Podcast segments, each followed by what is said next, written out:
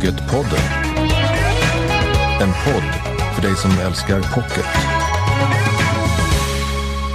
Hallå, hej! På en fjällsluttning i norska Telemark ligger kungariket. Gården där bröderna Roy och Karl Oppgard växer upp. Och det gör de på en smal remsa mellan samhällets nyfikenhet och familjens mörka hemlighet. Outhärdligt smal ska det visa sig. Kungariket är också titeln på Jo Nesbøs alldeles nya roman och nej, det blir ingen Harry Håle den här gången. Men vi ska som vanligt hos Nesbø ut på moralens osäkra skare och se om den håller. Jo Nesbø är min gäst här i Pocketpodden idag. Och sen på det en helt ny svensk thrillerserie som börjar med Tick Tick Boom. Mer om den senare. Kul att du är här. Jag heter Lisa Tallroth och då drar vi igång.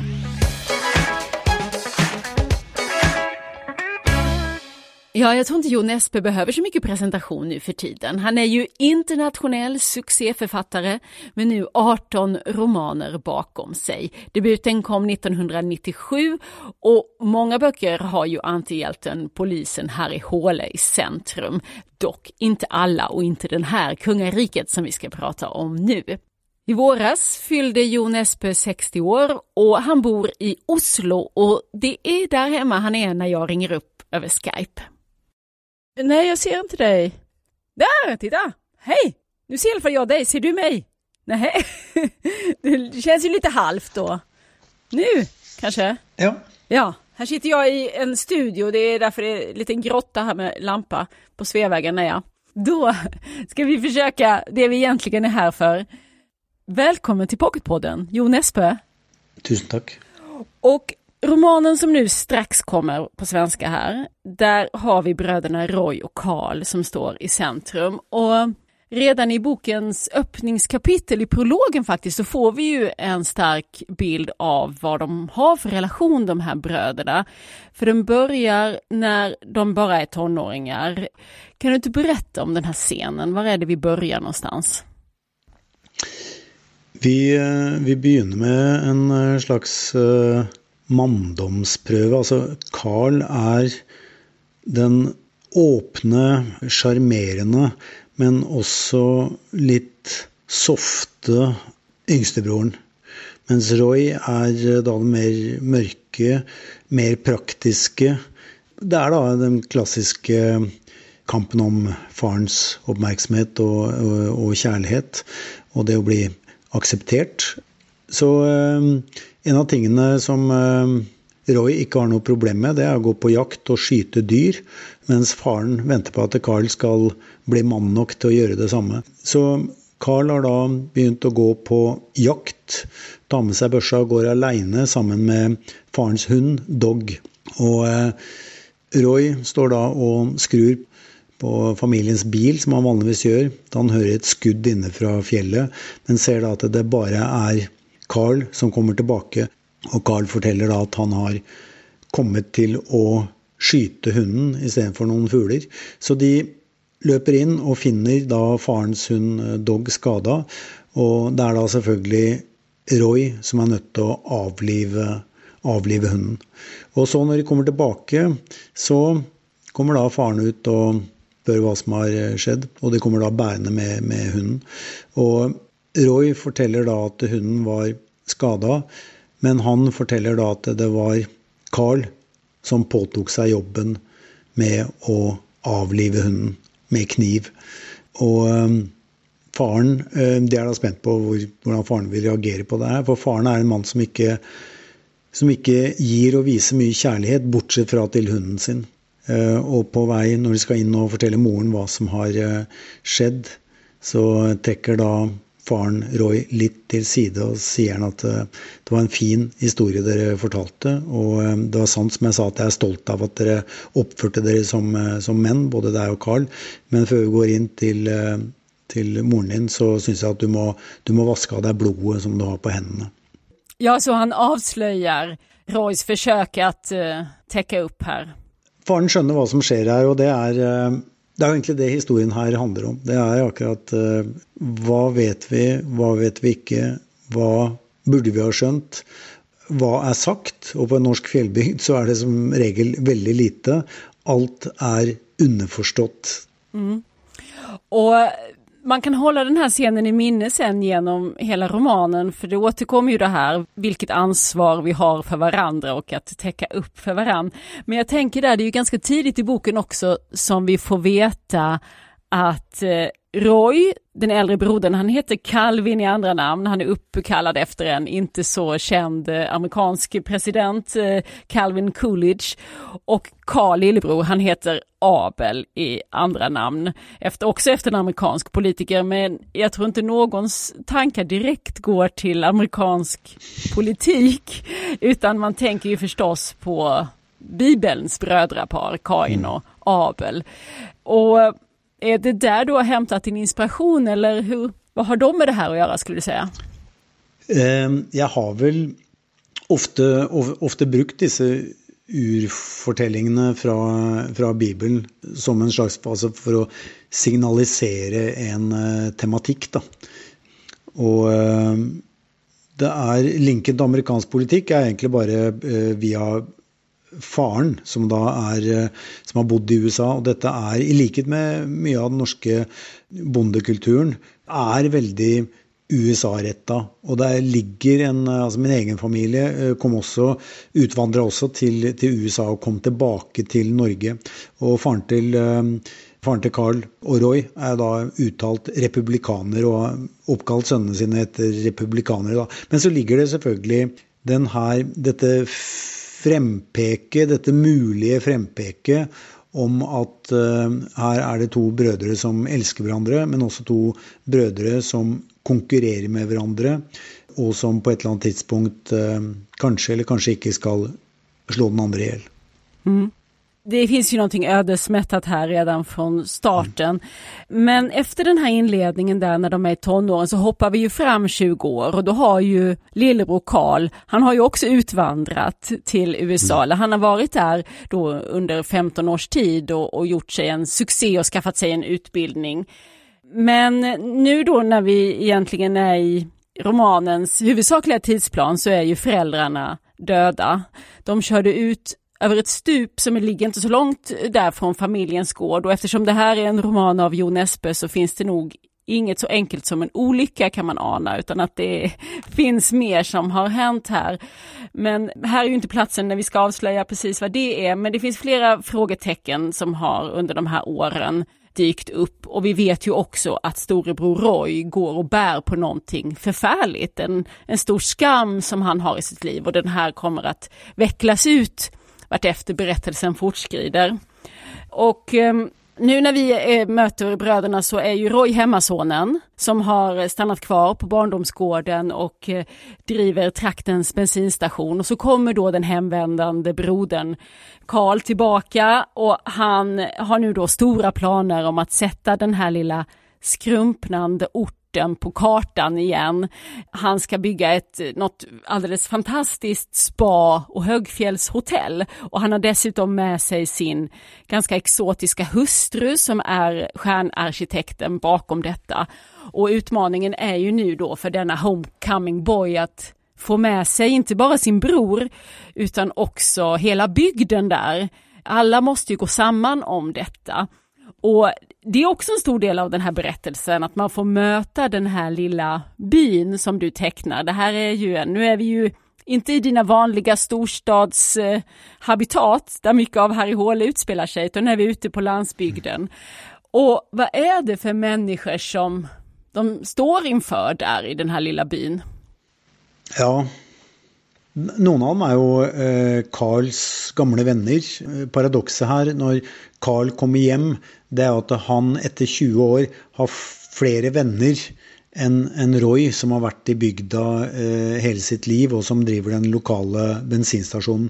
Selv om Roy er en eh, sympatisk eh, mann, han har kanskje ikke et sånn derre eh, sjarmerende og tiltrekkende ytre, men han er en bra mann, tar godt vare på folkene sine på bensinstasjonen. Så noen av de første vi møter, er unge mennesker som, eh, som er de som ikke har flytta fra bygda. Altså Det er en typisk bygd på den måten at eh, kanskje de, kanskje de mest ressurssterke, de skoleflinke og de ambisiøse har flytta til andre steder.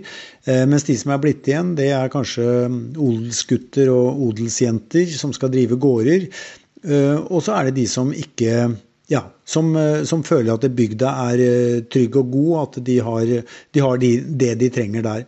Vi møter også en eh, ekskjæreste til Carl, Mari, som er datter av ordføreren i bygda, og som er liksom en, den ressurssterke som dro til Oslo for å studere.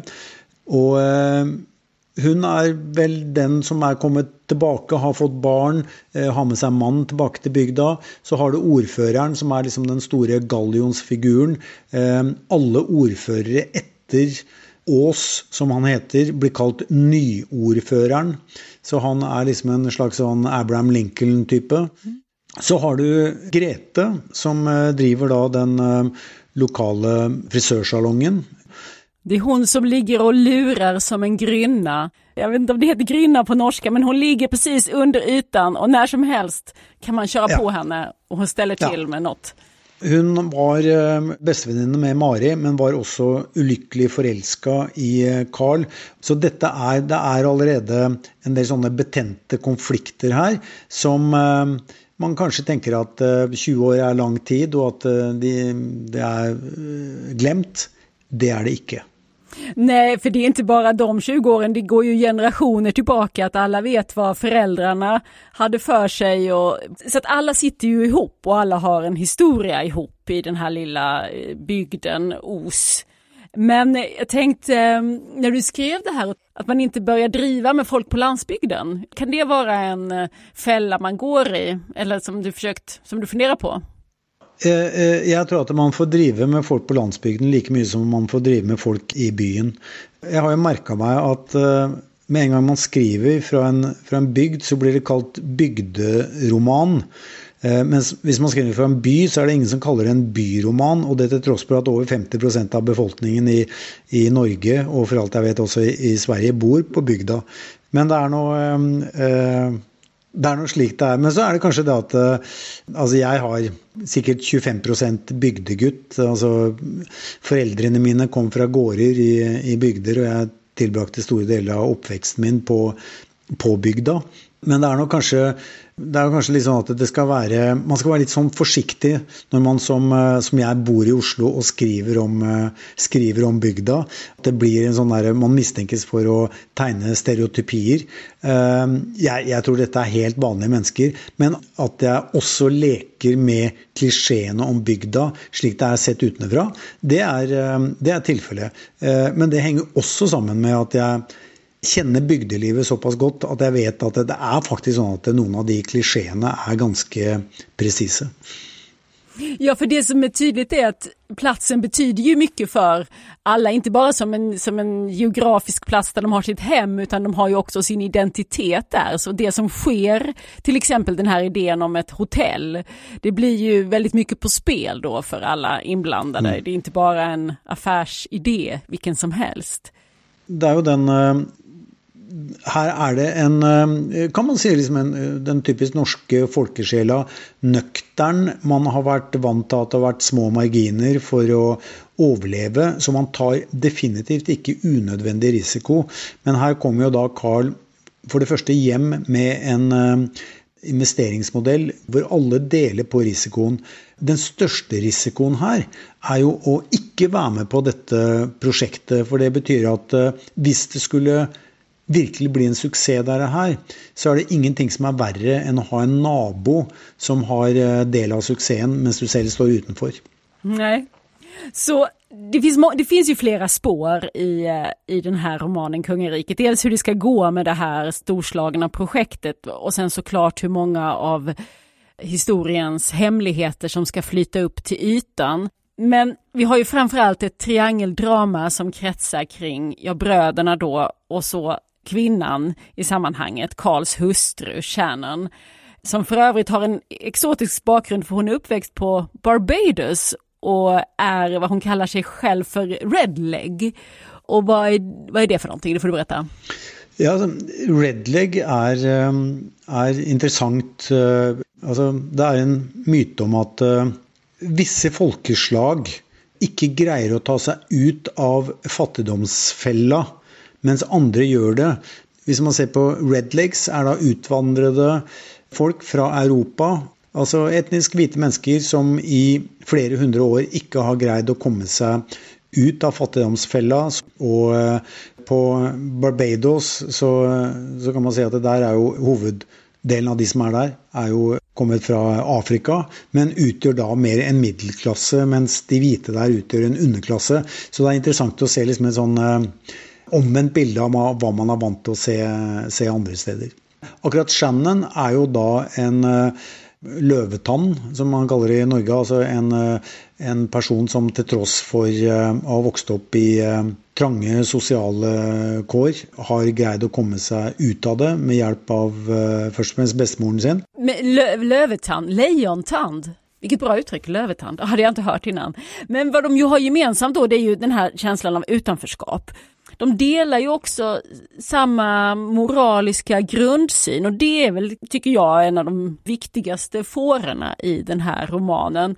Och när brödernas pappa uttrycker det så skriver du så här i den svenska översättningen då.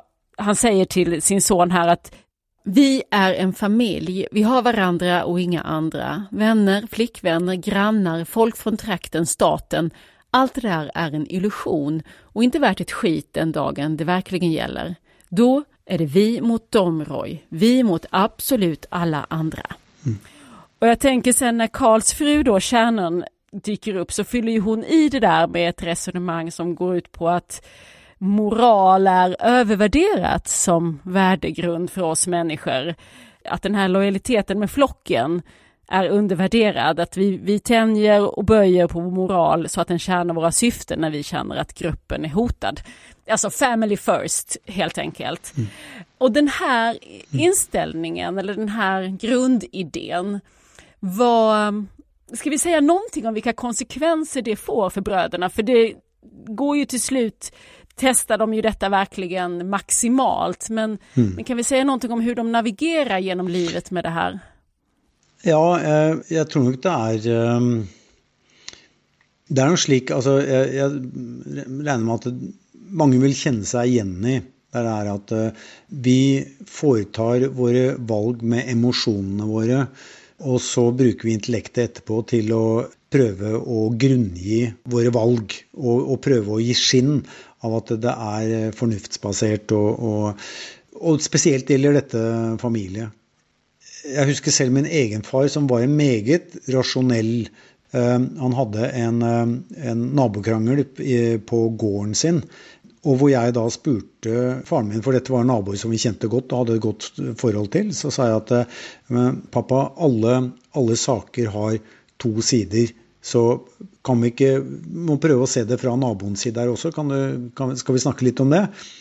Og hvor han da bare ser på meg og sier at eh, det har du helt rett i, eh, sønnen min, men når det gjelder familie, så finnes bare én side. Det låter som Roy og, og Carls pappa. Ja.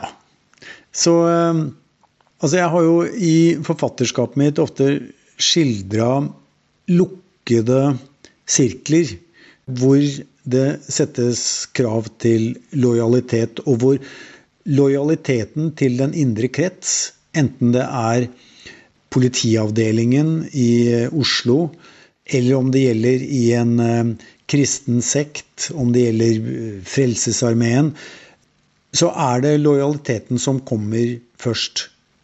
Jeg skriver vel også om moral, og har gjort også i Harry Hole-serien for så vidt, som et verktøy som er der for å tjene mennesker på en rasjonell måte til altså Moral har vi bruk for for, en, for overlevelse. Det er i hvert fall det de fleste av mine karakterer argumenterer for. Eh, og at det er ikke slik at det mennesket er til for moralen. Men eftersom du har vridit och vänt så mycket på detta, har du funderat något på om det här egentligen, den här eh, familjen först eller lojaliteten med den egna gruppen, om det är ett hot eller en styrka för ett samhälle? Jag tror, eh, jag tror det är ett eh, hot, eh, först och främst. Alltså, det att man alltså att en, en mindre grupp följer lojaliteten till gruppen starkare än de följer till större samfunnet, tror jag absolut är ett hot. Alltså det är en Eh, altså, Det er bare å nevne et ord som nasjonalisme. skal man si at eh, nasjonens, eh, Setter du nasjonens interesser fremfor de globale, så er det jo definitivt et, et hot. Og også sammen med, med familien. altså Du har altså hele systemet med vendetta og blodhevn er et hot mot uh, rettssamfunnet, og var jo egentlig også et utgangspunkt for, for at man måtte ha et rettsvesen. Men det vil ikke si at det ikke er veldig menneskelig, og at det er noe som vi alle kan relatere oss til. Altså i, I kongeriket så er det jo slik at eh, uh, familielojaliteten er høy, og lojaliteten mellom de to brødrene er direkte grenseløs. Og det er selvfølgelig noe av det romanen stiller spørsmålstegn ved. Hvor, hvor er det den lojaliteten som vi på en måte Alle hyller jo en sånn familielojalitet, men hvor er det den krysser en grense hvor den er eh, skadelig? Mm. Vad som händer i kungariket här är ju också att hotet delvis finns inom familjen. Jag tänker att det finns ju någonting här från brödernas barndom där det visar sig att den största faran fanns inom familjen och kanske även bröderna emellan till slut blir faror för varandra. Jag tänker att det är, det är ett sätt för dig att argumentera mot den här tanken att, att det som man tänker ska vara det absoluta skyddet kan vändas till det största hotet. Altså, jeg synes jo at eh, En av grunnene til at jeg har skrevet 'Kongeriket', det er at jeg syns eh, uh, brødrerelasjonen er så interessant. Tidligere så har jeg skrevet en god del om far-sønn-relasjon. Jeg hadde selv et veldig godt og nært forhold til min far, men jeg er likevel altså, mer interessert i egentlig det konfliktfylte og betente eh, forholdet far-sønn, og, og, på en måte den farslengselen som, eh, som mange gutter og menn har. Jeg vokste også opp med to brødre. Og de tingene som jeg skriver om i, i kongeriket, er jo emosjonelt hentet fra mitt forhold til mine egne brødre. Eh, det er en historie som heldigvis er, er veldig langt fra den historien jeg og mine brødre hadde. Men det er jo akkurat den her paradokset at det er, samtidig som det er en som jeg sa, grenseløs lojalitet og en kjærlighet og intimitet, så er det også en konkurranse der. Altså det er noe destruktivt som som ligger bak der, som kan komme til overflaten. Intimiteten og kjærligheten, så har også den mynten en flipside, som er også det bunnlösa hatet och raseriet. Ja, och om vi ska tillåta oss att psykologisera lite då, för jag föreställer mig att deras enormt starka band, de här bröderna Roy och Karl, att det kommer ur den utsatthet de hade som barn. Mm. Och eh, är det där man börjar hata då också den ende som delar hemligheten? Eller hur, ska, hur, hur um, hänger det där ihop? Jeg, jeg, tror vel at det er sviket, da. Altså eh, når, du, når du forlanger grenseløs Gir grenseløs lojalitet, så forlanger du det samme tilbake. Når du ikke får det, så er sviket så mye verre at det kan snu, snu av den kjærligheten til hat. Mm. Men eh, när du säger att du har hämtat inspiration från dina egna syskonrelationer så tänker jag det här är ju en väldigt dramatisk eh, brodersrelation som du skildrar här. Om du skulle översätta det då till ett lite mer vanligt liv i, i en familj som jag tänker att du kanske har haft och inte så extremt som bröderna här. Vad tar det sig för uttryck då?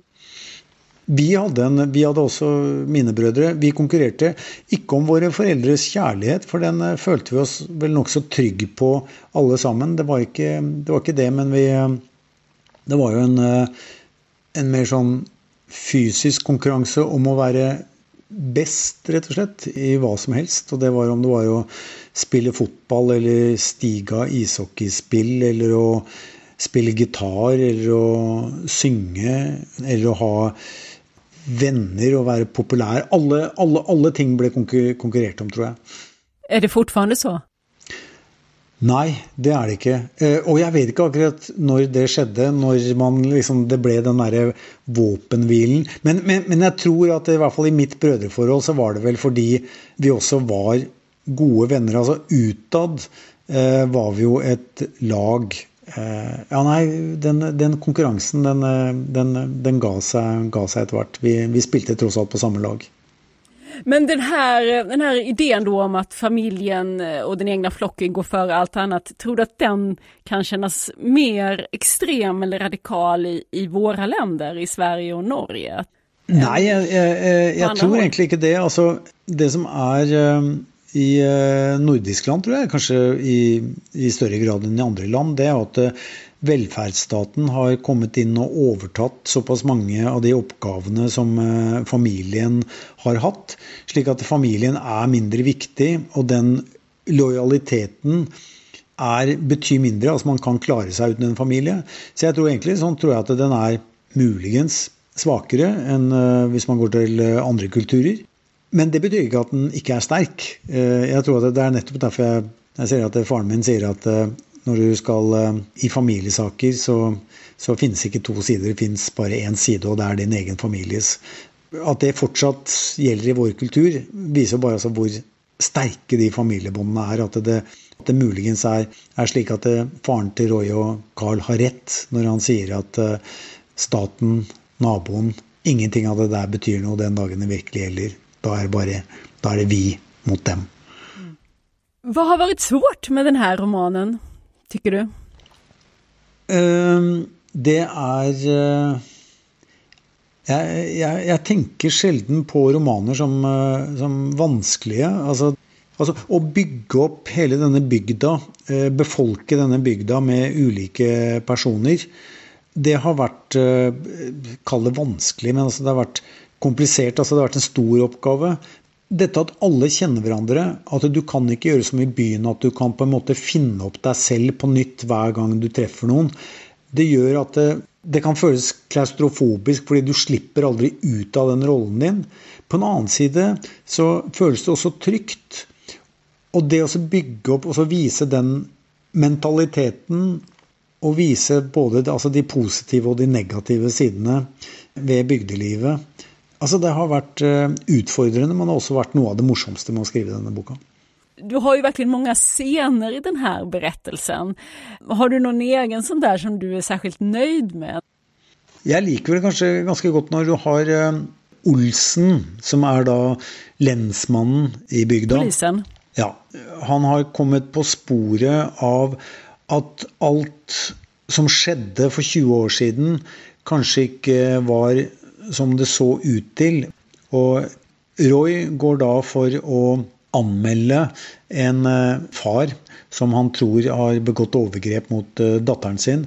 Eh, noe han gjør inne på eh, Går inn til frisørsalongen, for der ligger denne lensmannen som ser ut som en litt sånn klisjé av en cowboy fra en westernfilm. Og, og, han røyker hele tiden. Det er det han eh, absolutt alltid sigarett i munnen. Og han går da inn, og eh, det viser seg at lensmannen eller politimannen ligger da og har tar solarium. Og de har en da samtale hvor han da bare sitter utenfor denne Det ser ut som en sånn Dracula-kiste, hvor han da snakker til lensmannen uten at de ser hverandre. og Det gjør jo da at det, det er en slags sånn skriftestol, så han kan si hva han vil, for at lensmannen eller politimannen later jo da som han ikke vet hvem det er som er utenfor. Og så ligger han der inne i det blå lyset og røyker, så det kommer da røyk ut fra denne, denne solsenga. Det, akkurat den scenen det, den liker jeg både altså, visuelt, og så er det en altså akkurat den der settingen, den skriftestolsettingen, den der at de er anonyme for hverandre. Det, det, de vet selvfølgelig hvem den andre er, men de kan late som de ikke vet hvem den andre er. Som gir en sånn spesiell eh, nerve til akkurat den uh, samtalen de har. Mm. Och det är en bra final på den scenen också när eh, Roy får in en raffinerad hämnd där genom att skruva upp solariet. Ja du, du, är ju väldigt rolig ofta. Det är mycket snack om att Jo Nesbø bara är liksom att det är thriller och spänning och du är ju också väldigt rolig. Tycker du att, alltså inte, inte norskt rolig utan eh, du är ja. skojig. Tycker mm. du att du får tillräckligt med erkännande för det? Du skriver ju, du har ju humor i dina böcker. Ja, ja jag syns jag äh, det är, alltså mycket av det jag skriver är ju så pass mörkt att du, du tränger ju en, en, en form för comic relief Altså det kan være at eh, humoren ligger i altså en form for situasjonskomikk. At eh, det, det, går over i det absurde. Men så er det selvfølgelig også den at du, du trenger altså når, når det er såpass svart som det er eh, delvis har i Hole-serien, også i, i kongeriket, så, er, så ligger alltid humoren ligger jo rett rundt hjørnet. Nu medan vi har pratat här så ser jag att solen har gått ner i Oslo. Det är alldeles mörkt nu i ditt arbetsrum där du sitter. Ja. Så att det är, är dags att avsluta. Jag vet bara att för alla Harry Hole-fans måste du ju berätta om det här var en tillfällig paus eller vad händer med Harry nu? Um, jag blir spurt också ofta när det kommer en ny Harry Hole-bok. Och det är väldigt hyggligt att bli spurt om det, men så är det också så att jag jeg ble forfatter fordi jeg ikke hadde lyst til å jobbe, og jeg hadde ikke lyst til å ha hjemmelekser. Og hvis jeg sier at det kommer en ny Harry Hole-bok, så, så, er det omtrent som å gi seg selv hjemmelekser. Så jeg, så jeg, jeg får gi det faste svaret at vi får se. Du behöver friheten? Ja. Men efter så här många år som författare, börjar det inte kännas som ett jobb nu ändå? Nei, eh, det gjør ikke det. Og hver, altså de få gangene hvor det sniker seg inn en følelse av at eh, å skrive er noe du er forventa å gjøre, at det sitter et forlag og venter på en bok, eller det sitter lesere og venter på en eh, bok, så må jeg minne meg selv på at dette er noe jeg hadde gjort, hadde brukt tida mi på om jeg hadde fått lov til å bruke tida mi på absolutt hva jeg hadde mest lyst til å gjøre. Og at eh, det ikke må bli en jobb. Hvis jeg føler det, da reiser jeg bort og gjør noe helt annet en, eh, en stund. Så eh, svaret er nei. Det, det føles fremdeles ikke som ærlig arbeid. Det låter, det låter nästan för bra för att vara sant, men jag tror dig när du säger det. Tusen tack Jon Espe för att du var med här i Pocketpodden. Tusen tack för att jag fick vara med. Pocketpodden. Tick, tick, boom. Det är titeln på en ny svensk thriller och första delen i en ny serie. Bakom den här står författarduon Johan Rosenlind och Lotta Fritzdorf. Och de är debutanter i sammanhanget, men Johan Rosenlind, han har också gjort sitt namn som mannen som kläckte idén till tv-succén Vår tid är nu. Men jag tror inte att den serien har så mycket gemensamt med romanen jag håller i min hand nu. Eller hur, Susanna Romanus, förläggare på Romanus och Selling?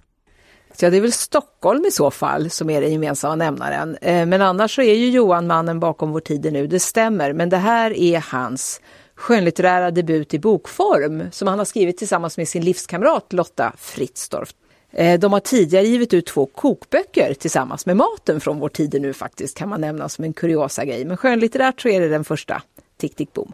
Och då är det samtid och en ganska dyster skärva av vår samtid verkar det som, för det är terrorhot som... Eh, ja, det är egentligen inget hot utan det drar igång väldigt häftigt med att en man kommer in på en hamburgerrestaurang på Sveavägen och skjuter vilt omkring sig. Där pågår som vanligt lunchätande och barnkalas.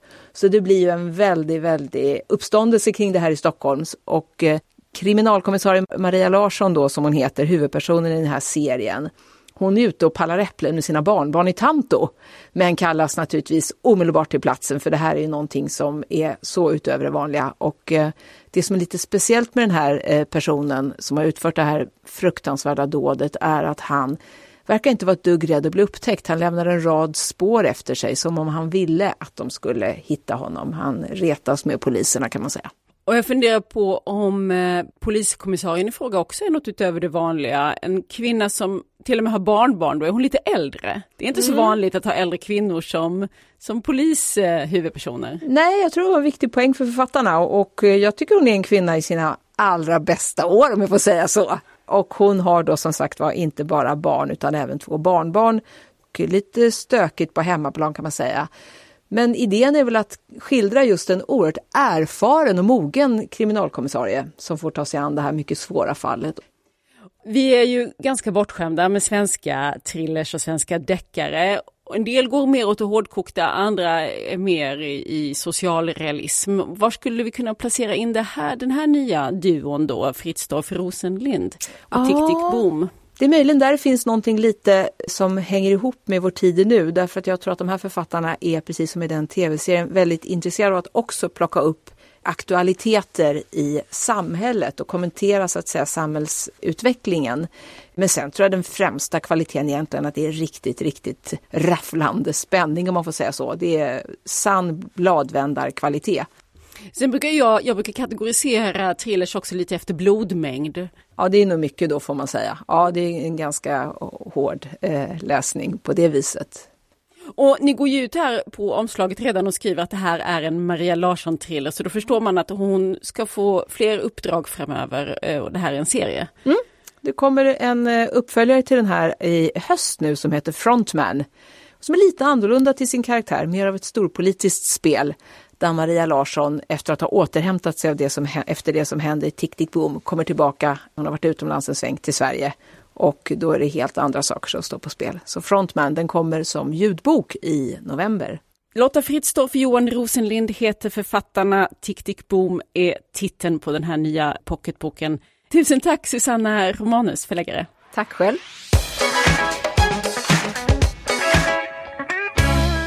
Stina Jackson, hon slog ju igenom stort med romanen Silvervägen som också röstades fram till Årets bok vid förra årets bokmässa. Nu är hon tillbaka med romanen Ödesmark och du hör, vi ska tillbaka till människorna och skogarna i Norrland. Men Stina, hon kommer hit nästa vecka i Pocketpodden. Tills dess, följ oss gärna i sociala medier. Där heter vi Älska Pocket och jag heter Lisa Tallroth. Hej då! Du har lyssnat på Pocketpodden. En podd från Bonnierförlagen.